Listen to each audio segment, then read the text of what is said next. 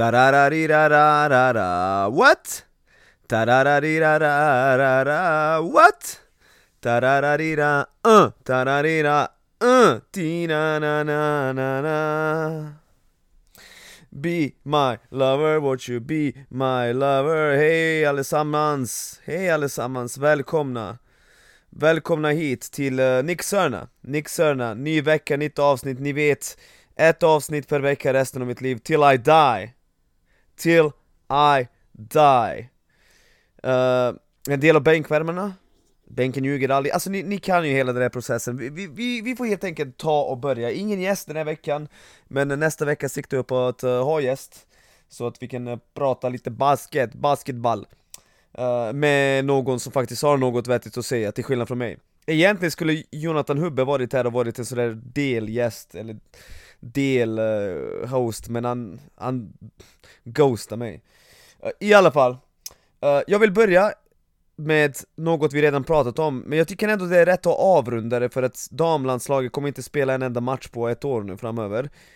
Och låt oss nu avrunda det vi såg i första kvalfönstret. Vad såg vi? Vi kan konstatera att det var ett steg framåt jämfört med förra kvalet Vi kan konstatera att i båda matcherna fanns det minst ett gigantiskt hål i Sveriges spel som kunde ha straffat sig Vi kan konstatera att spelet inte var perfekt och långa stunder inte ens bra men tillräckligt bra för att vinna matcher, och som sagt, det enda man kan begära i det här läget är att leda gruppen. Och med två matcher kvar mot Estland så ser det faktiskt ut som att Sverige kommer att behöva vinna en match mot antingen Danmark borta eller Storbritannien hemma för att klara sig till EM, och det är förutsättningar vi knappt kunde drömt om eh, inför, eh, inför detta EM, och vi ska vara ärliga eh, inför detta EM-kval. En sak som jag vill ta upp dock, som jag inte velat ta upp hittills för att jag vill inte skifta fokus från det laget gjorde, är ju att jag gillade inte att det var 1300 personer i hallen. Otroligt stor besvikelse om du frågar mig. Sen måste jag säga en sak innan jag fortsätter. Jag skyller inte det här på Norrköping, jag skyller inte det här på Stadium Arena Så här är det, kvalet, eller förlåt, lottningen till EM-kvalet kom otroligt sent Jag har aldrig sett ett kval lotta så här sent som damernas EM-kval gjorde. Det var typ för två månader sedan om ens det. Så det var otroligt kort tid att styra upp något Nummer ett. Nummer två, man hade redan satt damer, uh, eh, tjejernas USM på samma helg innan det. Det gjorde det också extra svårt att uh, uh, dra publik, jag menar hade, hade de här tjejerna, alla de här tjejerna som spelade USM varit lediga hade det säkert varit minst 300 pers till, det gör skillnad, 1 och 3, 1 och 6 är ju skillnad. Uh, Och så vidare, så det finns anledningar till varför det blev 1 och 3, men jag känner att efter att damerna spelade framför 9000 pers på Globen och efter att vi faktiskt fått in lite kontinuitet med ganska mycket publik på läktarna Så tycker jag att de här tjejerna förtjänar att spela framför fler åskådare Och då är frågan hur ska man göra nu i nästa kvalfönster när man möter Storbritannien hemma? Det är en otroligt viktig match jag tror att det är Storbritannien hemma, jag tror att sista kvalfönstret är Danmark borta, Estland hemma Så Storbritannien hemma, en otroligt viktig match, var ska man spela den? Det är frågan, var ska man spela den? För jag vill se folk dyka upp. Nu har förbundet faktiskt ett år att tugga på den här frågan uh, och, och tänka ut vad rätt alternativ är. För, för om frågar du mig så tycker jag att Luleå, det känns som att det är dags för Luleå. Senast damerna spelade en landskamp i Luleå var ju uh, en kval när Jurgita fick sparken hemma mot Finland Om jag minns rätt, och det var ju ett bra tag sen Ja, det, det vi får i Luleå är ju en publik som kommer dyka upp, det kommer ju vara mer än 1 och 3 Det tror jag. Återigen, ingen diss mot Norrköping Stadium Arena, Norrköping Dolphins. De hade otroligt svåra förutsättningar.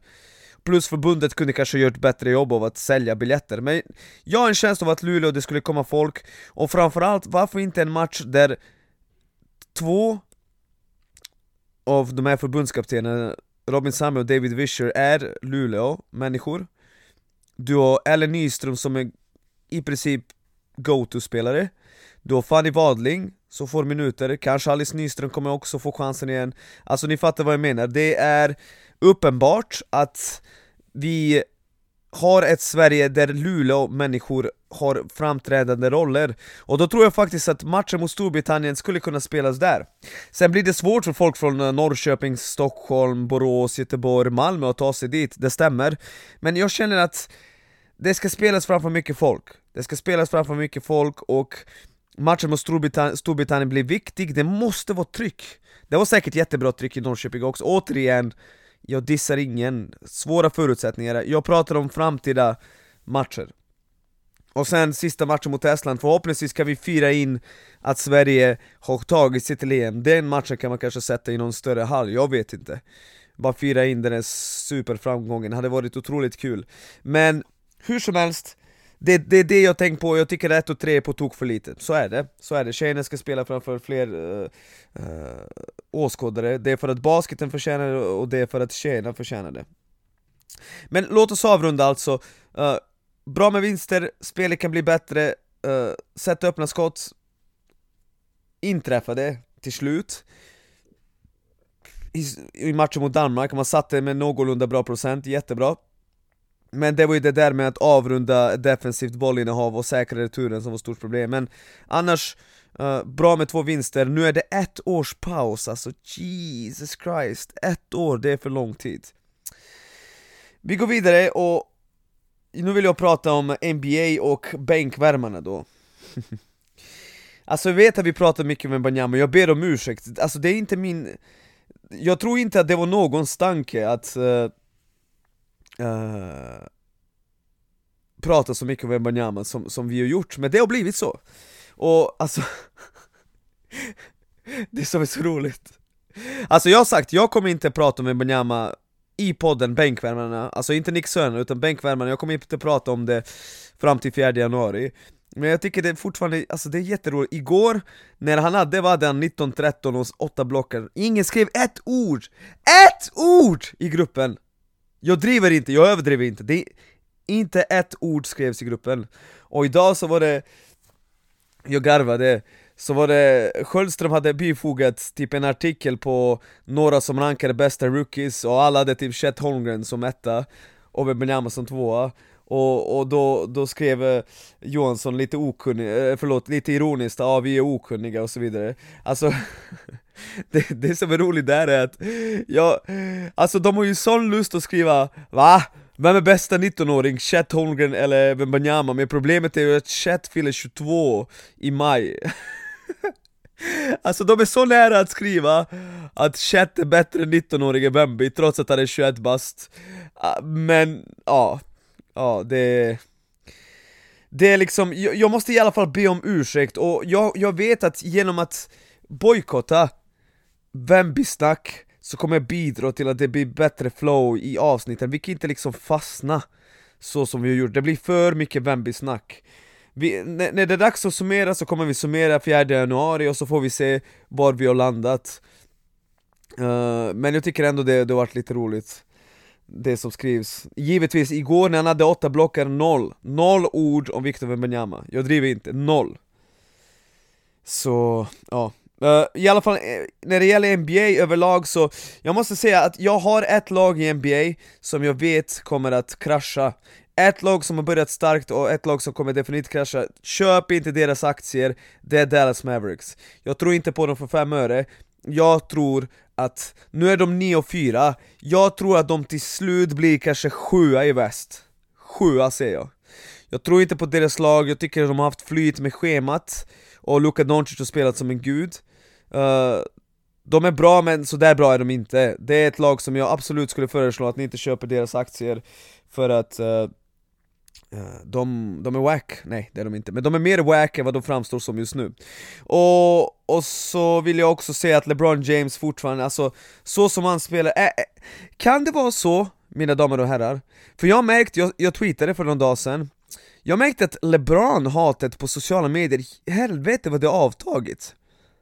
Jag märkte det redan förra året, men jag tycker bara, folk börjar landa i att Okej, okay, han är fan otrolig, det är meningslöst att trash honom. För det fanns ju folk, det finns ju fortfarande folk som säger att ah, han är inte topp 10-spelare någon Alltså det finns ju sådana, det vet ni, alltså LeBron är otroligt hatad av flera olika anledningar. Men egentligen är han den bästa spelaren någonsin, eller i värsta fall den näst bästa. Jag har en sån om nummer två Men jag håller det öppet för att flytta fram honom som nummer ett, för att han är i säsong 21 fortfarande på galen All-star nivå Vi kan inte hålla på och bara räkna titlar. Eh, Folk låtsas som att LeBron har typ noll titlar än, han har fyra. Vi kan inte bara säga, vissa har bestämt sig, de säger så här, ja ah, men Antingen vinner han lika mycket som Jordan eller så, så kan vi inte ens ha den diskussionen. Och då har man liksom kont kontextfri sätt att se på basket och då kan man lika väl ha Bill Russell som den bästa någonsin och Robert Ory som nummer två. Alltså man kan inte, man kan inte ha det sådär Man kan inte ha det sådär, och det LeBron gör är helt otroligt. Säsong 21, vi trodde aldrig att en spelare i säsong 21 skulle kunna prestera på den nivån. Och jag tror att många börjar se att han han är bara otrolig och det är ingen idé att kritisera honom för du framstår bara som en ignorant pappskalle. Uh, Vi har, vi går vidare till SBL, vi har redan konstaterat sedan tidigare att SBL dam är sämre än förra året. Det vet vi ju, det är, och inte bara sämre utan klart sämre. Alltså jätte, jätte stor skillnad jämfört med förra säsongen. Och det är ju tråkigt givetvis, man vill ju ha en bra produkt, man vill ha bra lag uh, Jag skulle vilja säga att i SBL dam så är ju givetvis Norrköping ett snäpp bättre. Jag skulle vilja säga att Södertälje, nu när Elin Eldebrink är skadad, inte är bättre. Med henne hade de varit bättre, men utan henne, nej, de är ungefär lika bra, kanske lite bättre. Luleå är klart sämre. Uh, Vi har Visby som är ungefär lika kassa, Borås är sämre otroligt nog, tycker jag, Sjuhärad. Jag tycker att Mark är sämre, uh, Uppsala har blivit bättre i och för sig. EOS, ja det verkar ändå som att de är lika bra även fast många, men inte, många inte trodde att, många trodde att EOS skulle vara sjukt kassa. AIK är inte någon jätte, något jättelag. Så SBL damer, och Luleå ska vi inte prata om, Luleå har blivit mycket, mycket sämre. Men alla är överens om att man har åkt ner ett, ett rejält snäpp. Men det jag inte såg komma är att SBL här skulle bli sämre. Ni vet ju, så här är det. Jag är person nummer ett som fightas med alla som de senaste 5-6 åren sagt, och det finns många, jag vet inte varför, fråga inte mig. Men de senaste 5-6 åren finns en del i basket-Sverige som säger åh, basketligan sämre än någonsin, åh, det är så jävla dåligt. Och det stämmer ju inte, och jag har redan försökt förklara för dem varför. Mitt främsta argument är ju givetvis att uh, importerna håller så otroligt mycket högre nivå än vad de gjorde för exempelvis 10-15 år sedan, tyvärr det är sant. Jag vet att de flesta inte vill höra det, och det låter bara Vad, men vi har Ducci Garvin, Jakob Sigurdsson! Men ja, tro mig, många fler kommer ut, många fler gör det bra. Men inte bara det, utan coachningen, och det har blivit så mycket mer avancerat. Uh, Det började väl med Vedran Bosnic och nu är det liksom du kan inte vara den här old school coachen som bara liksom Du måste vara otroligt avancerad och påläst och, och, och, titta på kliniker och uppdatera ditt spel för basket förändras och de här coacherna i SBL är fan bra alltså. Även fast det är lite trist givetvis att Degen är så lämnat och Boris Balibrea Coachningen har kanske också blivit lite sämre, vi måste vara ärliga. uh, Eh, även fast Sergio Brugge är jättebra och Boris Balibre ersättare i Umeå också är bra. Ni fattar vad jag menar. Men grejen är att SBL här är faktiskt sämre i år än vad det var förra året. Det är sämre, jag är ledsen, det är sämre. Och, och nu ska vi gå igenom lagen. Så, för, så, så att jag kan förklara för er. Norrköping är minst lika bra som förra säsongen. Minst lika bra De är otroligt breda och bra och spelar tillsammans och blir bara bättre och bättre, så de stryker vi, okej? Okay? Sen går vi vidare Jämtland, sämre jag vill inte höra något annat. Framförallt nu när de har förlorat två spelare i Hampus Solin och uh, uh, vad heter den, Ortiz uh, som har lämnat laget. Alltså det, plus de har ju missat Hampton någon match, de har missat Trey Holder någon match och ändå har de 8-1 tror jag eller något sånt. Alltså det är egentligen det Jämtland har klarat av att göra är att vinna jämna matcher och de vinner dem för att de har Trey Holder som är otroligt bra på att stänga matcher. Utan honom, låt oss säga att de hade CJ Jackson förra året istället för Holder, då hade de haft typ fyra vinster och fyra förluster nu. På riktigt, eller något sånt. Jämtland är, kanske folk egentligen inte vill höra det, men just talangmässigt så är man sämre. Ingen Artie Gwynn uh, och så vidare, ingen Daniel Johansson, inget snack om saken, de är ju typ betydligt sämre. På riktigt. Borås Basket, ja vad ska man säga? De är så mycket sämre att man tappar ju hakan liksom, man fattar ju ingenting. Från historiskt bra grundserie till att vara bottenlag, man fattar verkligen ingenting. Och de är lite tvärtom från Jämtland. De spelar jämna matcher men kan inte stänga dem och vinna. Luleå, hmm. Jag skulle säga med Polaj, de har potential att vara bättre än förra året, men det kommer inte vara jättestor skillnad. De kommer vara bättre men inte jättestor skillnad. Uh, Umeå, eh, sanslöst jäkla ras, även fast jag tycker deras coach gör det bra med spelarmaterial de har. Sanslöst ras. Uh, Köping, mindre talang, jag tycker de är lite sämre än förra året. Uh, Nässjö, nog lite bättre ändå faktiskt. Lite bättre. Uppsala, ungefär lika bra, jag gillade Shepard och han Hinton var väl okej. Okay. uh, Powell och han är amerikanen Page är faktiskt bättre än de två Men jag tycker ändå att det är faktiskt kännbart att de har förlorat, eh, att de har blivit av med lite spelare uh, Som uh, Mikael Axelsson och så vidare uh, och de här två yngre, de här två yngre spelarna försvann också, vad heter de? Sanne och uh, Månsson, de hade säkert fått spela i år för att Uppsala har problem med skador Men i alla fall, uh, har jag glömt något lag? Det är väl alla lag i SBL? Har jag glömt något? Vänta Bra podd va? Uh, då ska vi se Södertälje är bättre, Södertälje är bättre, det är inget snack om saken så, ja. Några har blivit sämre, några har blivit bättre, men överlag som helheten så tycker jag att SBL här är sämre än förra året. Tyvärr.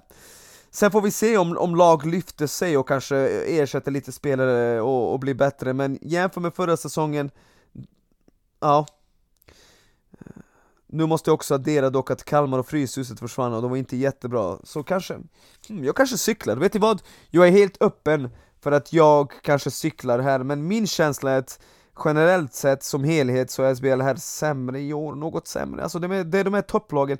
Hur fan kan Luleå, alltså frågar du, hade du frågat Luleå för en vecka sedan alla som följer i Luleå bara ah, hur har starten på säsongen varit? varit? Alla hade sagt ah, det är katastrof. De är trea! De är trea! Det säger ju allt om SBL i år! De är trea! Vad i helvete? Ja det är faktiskt helt sjukt. Det är helt sjukt. Men eh, Ja, båda ligorna är ett snäpp sämre, inte bra Kanske beror det på att ekonomin i landet överlag är sämre, jag vet inte, men något beror det på uh, I alla fall, vi går vidare till nästa ämne, och mitt nästa ämne är svenskar utomlands, alltså vi, uh, vi vet ju att det finns många damspelare på college, på, på bra skolor, blablabla. bra skolor bland annat Bra skolor, bland annat Matilda Ek och uh,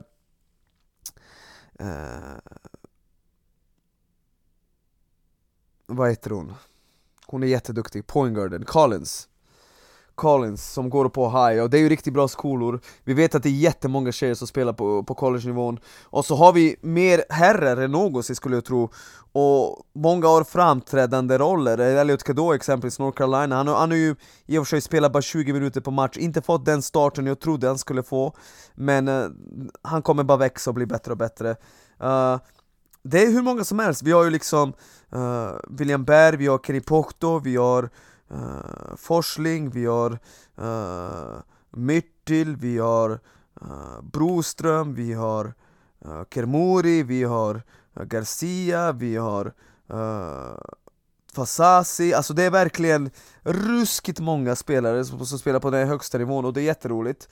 Uh, och, och så har vi även på här sidan, det är den här femman, jag kallar dem för femman femman som gör det otroligt bra ute i Europa och det är ju eh, på den, i princip den högsta nivån du kan tänka dig som inte är Euroleague Det är ju eh, Ludde Håkansson, eh, Denzel Andersson, Melvin Pansar, Simon Bigander och uh, Baranjai och även Tobias Borg måste jag säga, gör det jättebra. Alltså Tobias Borg har en underskattad vass säsong. Uh, hans bästa på många år. Så uh, det är lovande, alltså jag ville bara lyfta fram det för att det finns många som spelar i utlandet och gör det jättebra och det är kul. Det är kul, det är viktigt, för det kommer gynna våra landslag. Vi har ju även Bobby Clintman i Australien givetvis, alltså det är, listan är lång, lång, så gott som oändlig. Uh, Och det gör mig faktiskt uh, jätteglad, Go svenskar som spelar utomlands. Sist men inte minst, vet ni vad som hände för exakt 13 år sedan och 4 dagar? 13 år och 4 dagar sedan. Borås Baskets buss, busskrasch. Ni har säkert glömt det där, alltså det är verkligen en, ett stycke svensk baskets historia som blir bortglömd. Det är för att på den tiden fanns ju Facebook exempelvis, men det var inte Sociala medier var inte det de är idag.